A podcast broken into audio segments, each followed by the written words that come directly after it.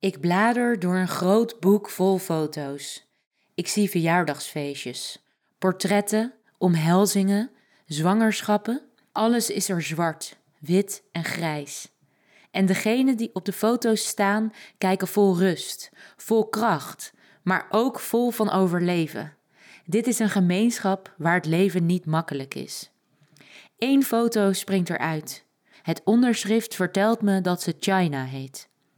Ze kijkt me recht aan, licht spottend, maar heus ook welkom.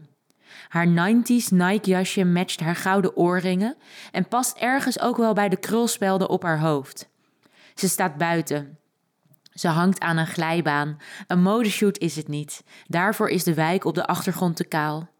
In de achtergrond hangt was en er spelen kinderen. Het leven kan hier prima plaatsvinden, maar hard lijkt het me wel.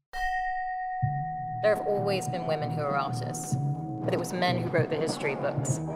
And somehow, they just forgot to mention that.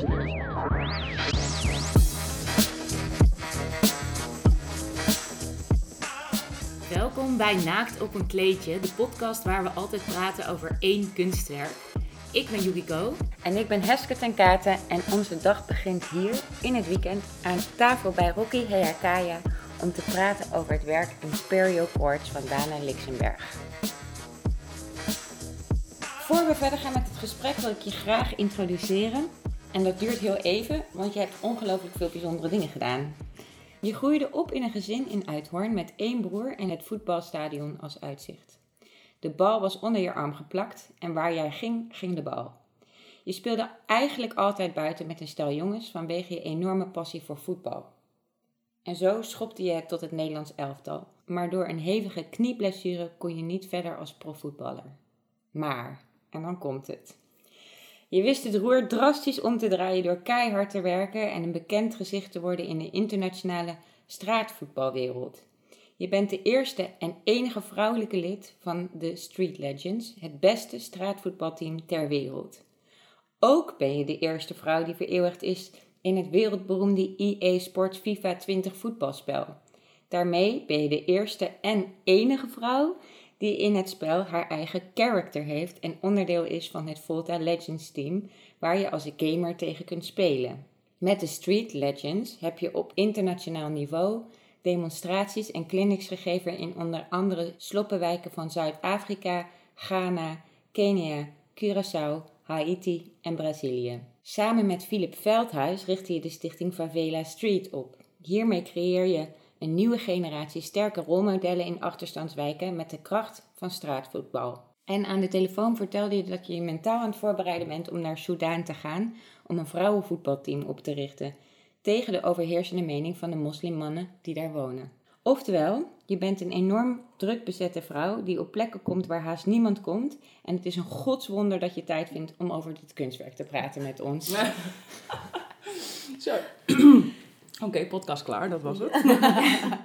ja, en, en uh, zonder het echt over leeftijd te hebben, maar er zit ook nog een hele jonge vrouw tegenover mij. Dus ik las dit en toen dacht ik, wat doe jij in je vrije tijd? Um, ja, mijn huis schoonmaken. En ja, papiament toeleren. Nee, ja in, ja, in mijn vrije tijd uh, probeer ik wel zoveel mogelijk rust te vinden. Maar het is natuurlijk, doordat je eigenlijk je werk bent, is het wel lastig om rust echt uh, te vinden. En dat moet, daar heb ik soms nog wel eens moeite mee. Dus uh, ik moet wel nog beter voor mezelf gaan zorgen. Ja. ja. ik las dat je dus een hele akelige blessure hebt gekregen op al hele jonge leeftijd. En dat dat iets heftigs betekende. Namelijk dat je profvoetballerschap een, een afslag nam die je niet zelf verwachtte. En tegelijkertijd dacht ik, zou je die Favela Street hebben opgericht als je die blessure niet had gehad? In de tijd dat ik stopte met voetbal had je natuurlijk nog niet echt profvoetbalschap, zeg maar. Uh, kijk, zo. Uh, dus dat de perspectief, het perspectief was ook heel anders als vrouwenvoetballer. En uh, ik ben er nu wel achter gekomen dat doordat ik die blessure heb gekregen, um, ja, ik nu de dingen doe die ik doe onder andere, zeg maar, uh, door die, dat ik die blessure heb gekregen. En ik weet nog wel dat er ook een, een therapeut was, want ik ben natuurlijk door heel veel mensen behandeld. En die zei ook van, ja, dit gebeurt om een reden. En ik weet nog wel dat ik echt zei, ja, wat weet jij er nou van? Weet je wel, ik wil gewoon voetballen, hou je mond. Ja. en nu achteraf gezien is dat wel iets waarvan ik iedere keer meer terugdenk van ja, het is wel zo. Het heeft altijd een reden, maar als je 20 jaar bent, dan wil je dat helemaal niet horen. Nee, ze zei het ook een beetje vroeg misschien. Ja, het was even te vroeg. In Ja. het proces. Ja.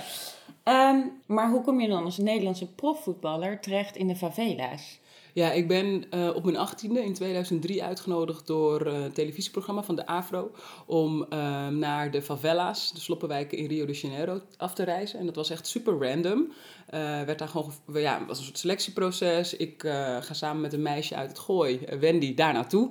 En ik kom in die favela terecht en blijf daar een week lang eh, met meiden van dezelfde leeftijd optrekken, voetballen. Ja, en dat was gewoon, dat was echt bizar. Dat ik dat meemaakte op mijn achttiende. En ik wist gewoon toen, wauw, wacht even, dit is wat, wat je met voetbal kan doen in zo'n wijk. En voetbal is, is, is mijn instrument. Het is mijn sleutel om heel veel verschillende werelden binnen te komen. Het is ook mijn Google Translate. Als ik geen eh, Arabisch straks spreek in Soudaan, kan ik wel voetballen. Eh, en dat leer ik eigenlijk allemaal daar op dat moment in die favela. En dat wist ik natuurlijk niet helemaal op dat moment.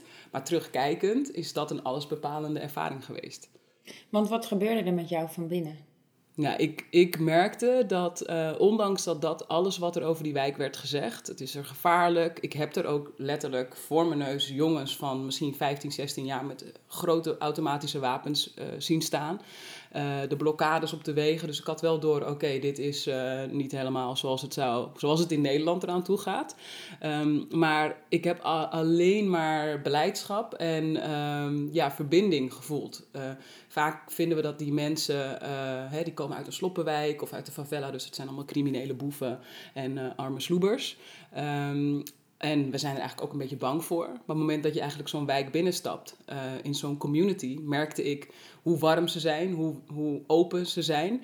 En eigenlijk hoeveel we, eh, gelijkenissen we met elkaar hebben in plaats van hoe verschillen. De overeenkomsten zijn veel groter dan de verschillen die we hebben.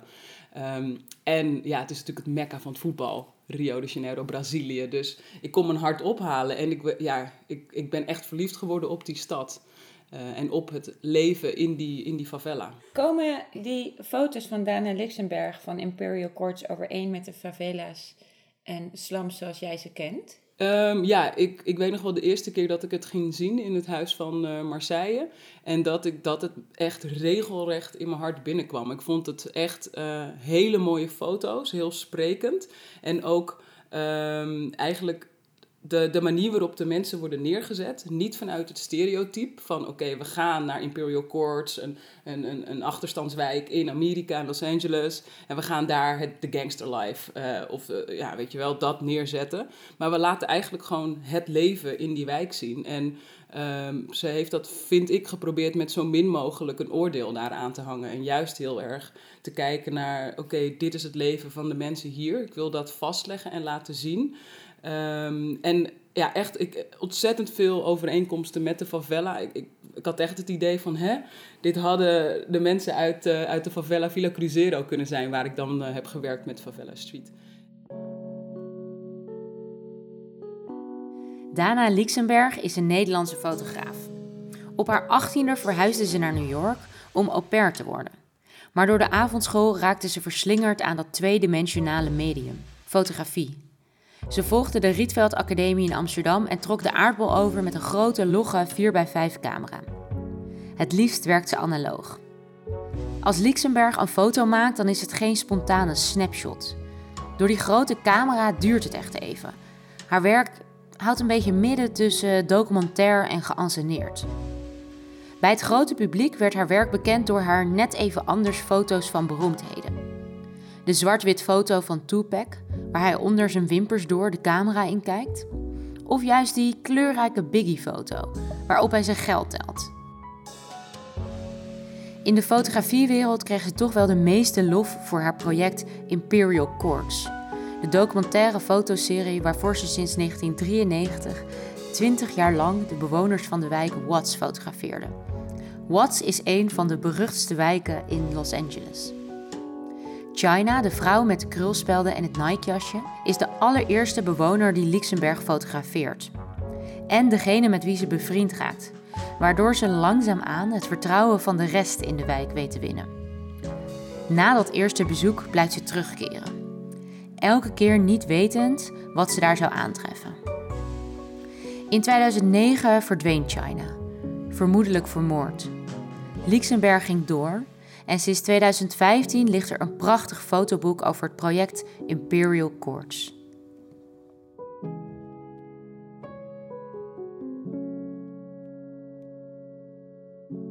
Voelt het ook voor jou als een soort thuiskomen als je deze foto's ziet?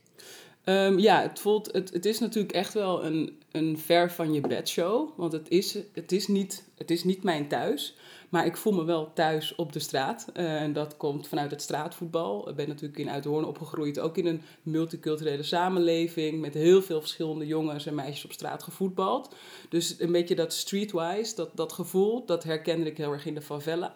Dat herken ik in het werk van, uh, van Dana, Imperial Courts ik weet niet zo goed waarom ik me daar thuis voel. Maar wat ik wel weet is dat, uh, dat doordat ik open sta om in zo'n wereld te stappen. En ik denk doordat ik er ook open voor sta om de mensen te zien voor wie ze zijn. In plaats van daar toch met een oordeel in te stappen.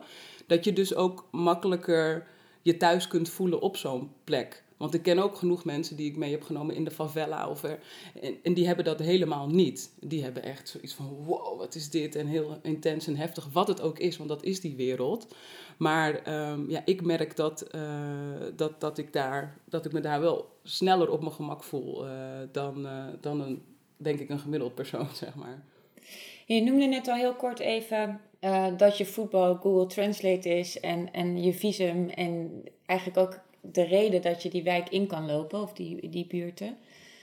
Uh, en Dana Lixenberg heeft haar camera in zekere zin. Ja. Heb je zoiets nodig om tot wezenlijk contact te komen?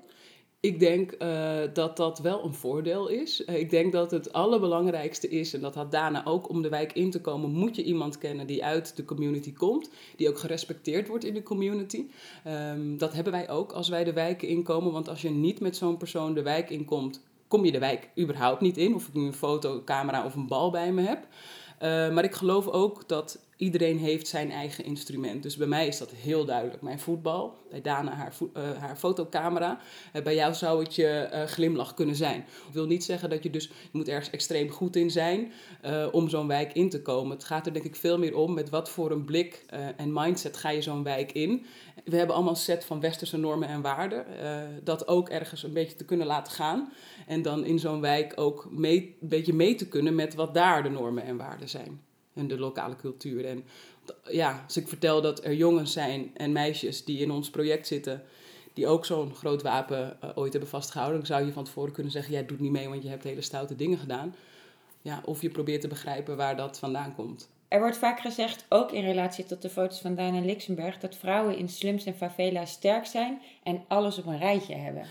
Um, kijk, als we het hebben over sociale uitsluiting, uh, zwarte vrouwen staan gewoon, hoe je het ook bent of keert, onderaan de maatschappelijke ladder. En als je dan ook nog eens uit zo'n wijk komt, dan sta je gewoon 10-0 achter. Dus ja, het zijn hele sterke vrouwen. Maar um, om alles op een rijtje te hebben in zo'n wijk, dat is eigenlijk. Uh, ja, dat is eigenlijk heel moeilijk, is bijna niet te doen. Dus ik denk dat ze heel sterk zijn door alles wat ze dragen en dat ze daar nog zo staan. Uh, maar ik denk dat, uh, dat ze niet alles uh, zomaar op een rijtje hebben, maar dat ze echt van dag tot dag kijken hoe, hoe redden we dit en met elkaar ook heel erg daar dat leven met elkaar dragen. In het boek van Dana Lixenberg zie je onder de foto's dat er een behoorlijk aantal van de door haar gefotografeerde mensen overleden zijn zijn vaak door moord, schietpartijen, vermissing of ze zitten achter de tralies. Herken je dat beeld? Ja, zeker. Ja, dat uh, helaas uh, wij ook mee te maken in, uh, op de plekken waar wij werken. Ehm, ja, niet zo heel lang geleden, ja, vorig jaar was ik even terug in Rio en daar wilde, maakte ik een, een foto die ik in 2014 ook had gemaakt met een jongen uh, die toen dus uh, ja, een paar, echt wel een paar jaar jonger is, die dus nu echt zo'n tiener is. En we stonden dus toen op die foto samen met ehm, nog een andere jongen. En hij vertelde, dus ik laat die foto aan hem zien. En hij vertelde mij, ja, hij is laatst doodgeschoten. En dat is toch heel gek, want het jongetje op die foto, die, dat is echt nog een jongetje van tien jaar of elf, zoiets, weet je wel. En dan uh, zijn we dus nu vijf jaar, vier jaar verder en die jongen is dus doodgeschoten. En ehm, ja, dat is heel gek om dan naar die foto te kijken. En dat heb ik dus ook een beetje als ik naar de foto's van Dana kijk. Dan denk ik, oh jeetje, China die is er dus niet meer. Maar die haar blik is nog zo indringend en het is nog zo, ze is zo alive nog op de foto, logisch. Ja. Maar um, dus nee, helaas um, komt dat ook voor en uh, het, het, ja, het, het, raakt je altijd. Je maakt je toch wel eens zorgen. Je hebt altijd contact, ook al ben ik nu niet meer in Brazilië actief of werk ik niet meer in Haiti, zit ik nu op Curaçao en ga ik naar Soudaan. Uh, je sticht overal eigenlijk een soort nieuwe familie. En uh, die band zal altijd zo zijn. En helaas, uh, in dat soort wijken, inderdaad, is het, uh, ja, is het wat moeilijker om oud te worden. Mm -hmm. En dat komt natuurlijk ook door, door de, hoe de maatschappij ingericht is. Dat je dus in zo'n sloppenwijk de voorzieningen niet altijd al te best zijn. Hè? Als je het hebt over ziekenhuizen, dat soort uh, dingen. Maar ook gewoon over schoon water, afvalverwerking. Uh, dus ja, mensen worden daar gewoon heel snel ziek. Ja, maar als je het dan ook nog eens hebt over wat de politie, het systeem naar zo'n wijk toe brengt. In Amerika, nou, dat, dat weten we. Uh, maar ook in, in Brazilië, hoe de houding is naar de mensen, zwarte mensen in, in favela's. Um, ja, dat, dat wordt zeker nu met die nieuwe president, of nieuwe president, hij zit er al een tijdje, hè, Bolsonaro, um, is het moordcijfer, uh, uh, dodenaantal is echt, echt explosief gestegen. Um, doordat polities een vrijbrief krijgen om mensen dood te schieten. Ga maar. Want daarmee roeien we het kwaad uit. En ja, dat is echt ja, dat is bizar. Dus daardoor merk je wel ook als je het hebt over de veranderingen in zo'n wijk. Dat werd ook hier, in, wordt ook voor Imperial Courts, hè, dan wordt, wordt het aan die mensen beloofd, we gaan sociale voorzieningen uh, brengen, we gaan ervoor zorgen dat de wijk er beter uit gaat zien. Um, dat is in de favela's ook geweest. Nou, als je dat verschil ziet van Villa Cruzeiro, de wijk waar wij hebben gewerkt in 2014 en nu, anno 2019, dat is bizar. Hoeveel, ja, de drugsband is weer to totaal terug, zeg maar. En al die jongens met wapens op straat. En ja, de economie gaat super slecht. Dus ja, het gaat weer. Ja, het gaat ja. slecht. Ja. Het gaat slecht met de favela's en de slums. Ja, zeker. Ja, ja. Mensen als Dana Lixenberg en jij brengen verhalen terug naar onze wereld, de Nederlandse wereld. Waarom is het belangrijk dat wij die verhalen leren kennen? Ja, ik denk dat het heel belangrijk is eh, om uh, te laten zien, uh, een andere kant van het verhaal te laten zien. Of in ieder geval meerdere verhalen te laten zien. De media is heel erg gericht natuurlijk op sensatie, geweld, oorlog, dat soort dingen laten we dan zien. Maar die mensen leven daar ook gewoon een normaal leven. anders als ons normale leven. Maar ik denk dat het gewoon goed is om te laten zien dat mensen uit zo'n wijk niet niet alleen uh, een crimineel of een boef zijn, uh, maar juist ook uh, hele gewone mensen zoals jij en ik zijn. en dat daar juist ook heel veel herkenning in is en kan zijn. En dat je daardoor, daardoor dus ook meer open gaat staan voor zo'n, voor zo'n wijk of voor de mensen die uit die wijk komen. Does that ja. make sense? Ja, ja, heel ja, erg. Ja. En daarna is natuurlijk echt jaar in, jaar uit teruggegaan. Heeft verjaardagen gefotografeerd, bruiloften, begrafenissen, eerste schooldagen. Eigenlijk die dingen, die, die momenten die in elk leven een heel belangrijk uh, ankerpunt zijn. Ze heeft ook de kritiek gekregen dat ze een witte Nederlandse vrouw is, die uh, met haar camera naar de misère ging om vervolgens dat in het museum te hangen. Hoe kijk je daarnaar? Ja, ik denk dat dat, um, dat, ja, ik begrijp waar dat vandaan komt. Um, ik vind het juist ook wel mooi dat zij, als de vraag aan haar wordt gesteld, waarom doe je dit? Dat ze daar in eerste instantie niet een pamklaar antwoord voor heeft. Um, zij is voor een opdracht toen uh, in Los Angeles uh, terechtgekomen. En is toen geïnteresseerd geraakt in dit onderwerp, in die wijk. Is daar gewoon naartoe gegaan op de Bonnefoy, zonder daar eigenlijk echt een, volgens mij, hè, een, echt mm -hmm. een plan voor te hebben. En ik denk dat... Uh, dat ja, zij is een, een witte vrouw die wat sneller in een huis van Marseille uh, komt te hangen. Dat, dat, dat, dat vind ik ook. Maar uh, het verhaal wat zij wilt vertellen krijgt daardoor wel een groter publiek. Dus haar bereik is heel groot. En als zij dan dus dit verhaal wilt laten zien van deze mensen, dan heeft zij uh, daardoor wel het bereik waarvan ik vind dat het werk het verdient. En ik denk ook dat zij Uh, wat ze het allerbelangrijkste vindt, is dat ze die mensen uh, een gezicht geeft, maar dat ze ook die mensen een uh, herinnering teruggeeft. Want zij ging als eerste terug met haar foto's naar de mensen in de wijk. Ehm, en heeft zich ook altijd afgevraagd: oké, eh, wat kom ik hier doen? Of wat hebben de. Dat was letterlijk de eerste vraag die ze, kreeg, die ze kreeg. Wat hebben wij daaraan als jij hier komt fotograferen? En ehm, ja, dat, dat is denk ik iets wat je altijd in je hoofd moet houden: van oké, wat hebben de mensen daaraan met wie je werkt? Dat heb ik ook in mijn werk met Favela Street.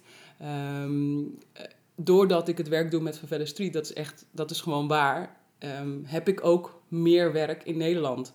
Dus uh, je zou ook kunnen zeggen, oké, Rocky die zit in die sloppenwijken een beetje de wereldverbeteraar uit te hangen, bij wijze van spreken. Maar ja, daardoor kan zij meer spreken, heeft ze meer uh, opdrachten.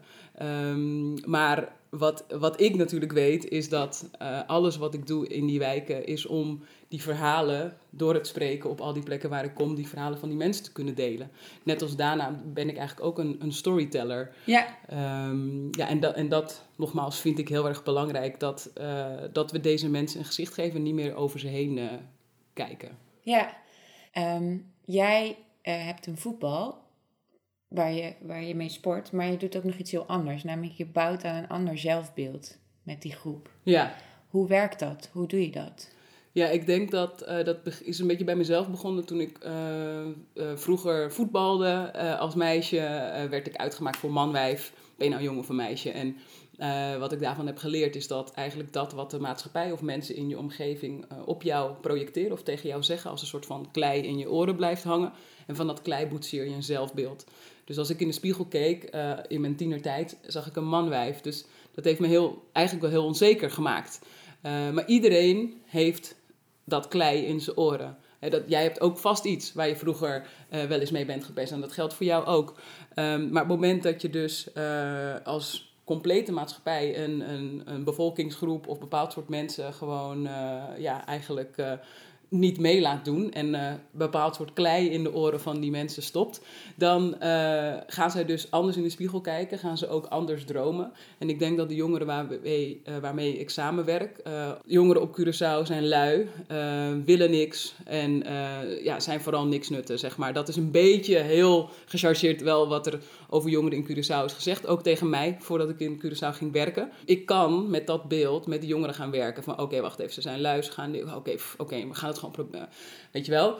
Maar ik weet al van tevoren van oké, ik probeer dat beeld niet te hebben en ik probeer eigenlijk uh, te denken van oké, ik heb nog nooit met die jongeren gewerkt. Uh, ik heb me natuurlijk wel erin verdiept. Uh, maar weet je wat? We gaan gewoon aan de slag en we zien wel waar het schip strandt.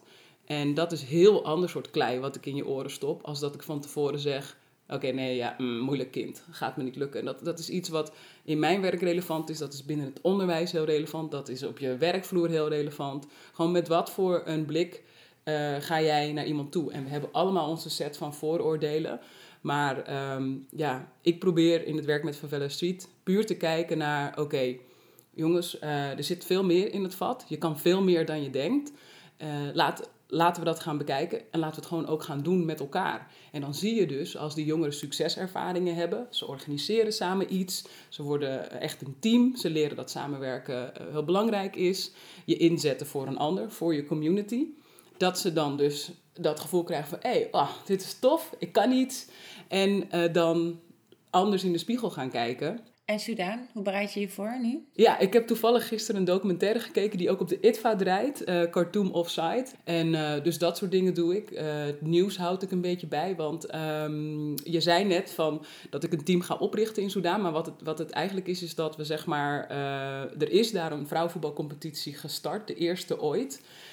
Um, en die documentaire die gaat ook over dat ze een nationaal vrouwenvoetbalteam willen in Soudaan. Nou, dat is natuurlijk ja, bijna niet te doen. En toch zijn daar vrouwen die dat heel graag willen en zich daarvoor inzetten. En dat vind ik echt ook strijders. En, uh, maar ik mag een aantal van die vrouwen die in die vrouwenvoetbalcompetitie spelen, dus van die verschillende teams, die mag ik een week lang workshops gaan geven.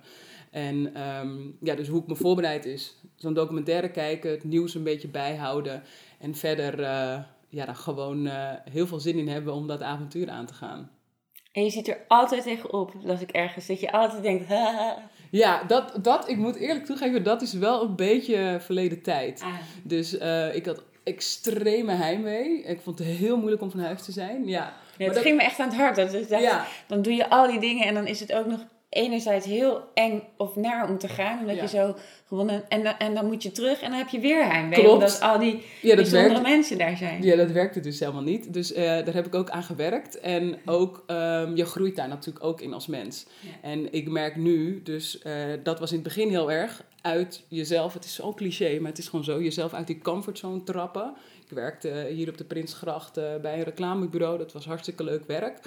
Maar toen ik naar die favela ging en dat met heel veel pijn in mijn buik en heel veel verdriet, maar toen ik daar was en dat leven leidde, dacht ik echt, dit is geweldig, weet je wel. Dus nu denk ik ook alleen maar, ik heb super veel zin om naar Soudaan te gaan.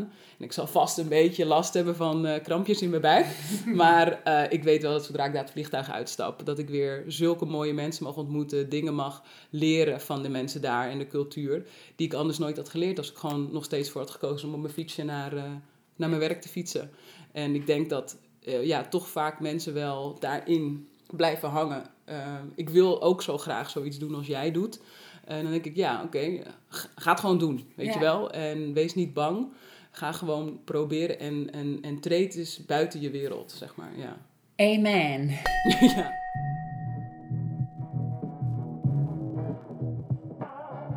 Dankjewel Rocky voor dit mooie gesprek. Wil je nou meer weten over Imperial Courts? Check dan absoluut de website imperialcourts.com. Daarop is het hele project ontsloten en vind je ook een webdocumentaire over het project en bijdragen van de bewoners. Heb je nou genoten van deze podcast? Help ons dan door een review achter te laten in de podcast store. Daardoor vinden nog meer mensen onze afleveringen. Naakt op een kleedje wordt gemaakt door Heske Tenkate en mijzelf, Yukiko. De eindredactie is in handen van Inge Terschuren en Anne Moraal van VPRO Nooit meer slapen. Het editen wordt gedaan door de geweldige Misha Melita. En de leader is gemaakt door Tom Hofland en Gijs Knol. We hebben voor deze podcast financiële steun ontvangen van Stichting Democratie en Media en het Mondriaan Fonds. En wil je nou meer weten en meer achtergrondverhalen leren over de kunstenaars die we allemaal bespreken? Volg ons dan op Instagram, naakt op een kleedje. En als je Rocky wil volgen, volg haar dan op @rockende. Dankjewel voor het luisteren.